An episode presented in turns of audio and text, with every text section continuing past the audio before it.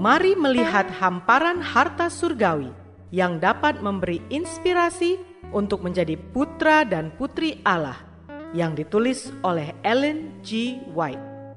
Melalui renungan pagi ini, kita akan mempelajari nasihat yang menguatkan dan memberi semangat untuk memperbaiki karakter kita. Bersama Mana Multimedia Ministry, selamat mendengarkan.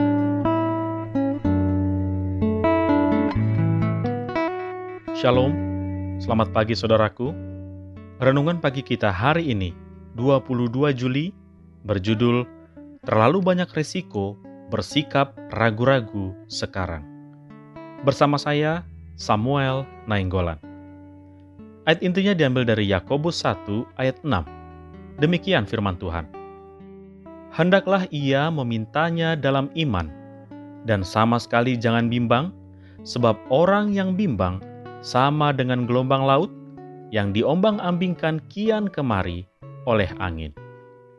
Mari kita dengarkan penjelasannya. Ada orang yang tidak teguh dalam tabiat. Mereka sama seperti bola yang terbuat dari dempul dan dapat diremas sampai berbentuk seperti yang dikehendaki. Kelemahan ini tidak berpendirian dan tidak tepat guna harus dikalahkan ada kegigihan dalam tabiat Kristen yang sejati, yang tidak dapat diubahkan atau dikurangi oleh keadaan-keadaan yang merugikan. Manusia harus memiliki tulang punggung moral, kejujuran yang tidak dapat dipaksa atau ditakut-takuti. Kita mempunyai musuh yang sangat kuat. Kalau manusia menyerahkan diri mereka menjadi budak-budak setan, dia tidak akan menunjukkan perasaan permusuhannya terhadap mereka yang meninggikan nama Kristus dan menyerahkan diri bagi pelayanan untuk Allah.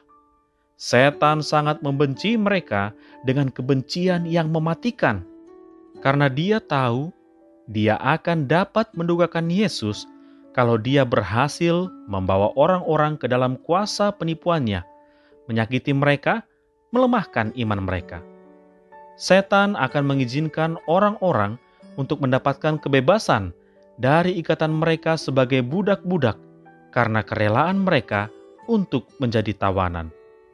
Tetapi rasa permusuhannya akan bangkit kalau pesan pengasihan mencapai tawanan-tawanan dan kemudian mereka berusaha untuk melepaskan diri dari kekuasaannya agar mereka dapat mengikuti gembala yang baik pertempuran di antara jiwa-jiwa dan setan dimulai pada saat tawanan berusaha menarik rantai dan ingin melepaskan diri. Mereka yang bersungguh-sungguh ingin diajar oleh Allah dan berjalan di jalannya akan memastikan diri memiliki janji, sehingga kalau mereka merasa kekurangan hikmat dan memintanya dari Allah, maka Dia akan mau memberikannya dengan bebas tanpa menuntut. Rasul mengatakan, "Hendaklah ia memintanya dalam iman, dan sama sekali jangan bimbang. Percayalah, percayalah bahwa Allah akan melakukan tepat sesuai seperti yang dijanjikannya. Jagalah agar dua-duamu tetap mengarah ke atas. Berjagalah, bekerjalah, dan menunggu. Berjuanglah dalam perjuangan iman yang baik."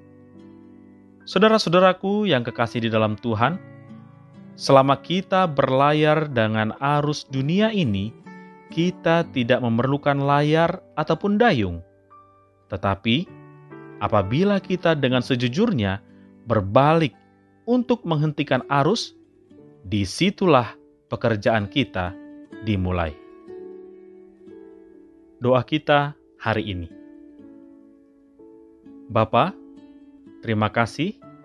Melalui renungan pagi ini, kami diingatkan untuk memiliki iman yang teguh kepada Tuhan, sehingga dapat menolong kami untuk membentuk tabiat yang teguh, yang tidak dapat diombang-ambingkan oleh bujuk rayu setan. Terima kasih Bapa. Melalui renungan pagi ini kami diingatkan untuk memiliki kegigihan dalam tabiat Kristen karena musuh yang kami hadapi adalah musuh yang kuat, yang mencengkeram kami dengan kuat sebagai budak dan tawanannya. Tolonglah kami ya Bapa, biarlah dengan pertolongan kuasa roh kudusmu dapat menyanggupkan kami untuk tetap setia kepadamu. Berikanlah kepada kami hikmat dan akal budi, agar kami boleh berjaga, bekerja, dan berjuang dengan iman yang baik dalam menantikan kedatangan Tuhan yang kedua kali. Terima kasih Bapa. Inilah doa dan permohonan kami kepadamu, dan biarlah kehendakmu yang jadi atas kami, di dalam nama Yesus, kami berdoa. Amin.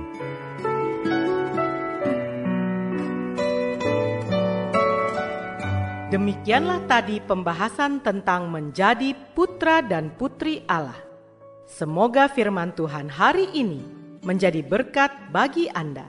Sampai jumpa, Tuhan memberkati.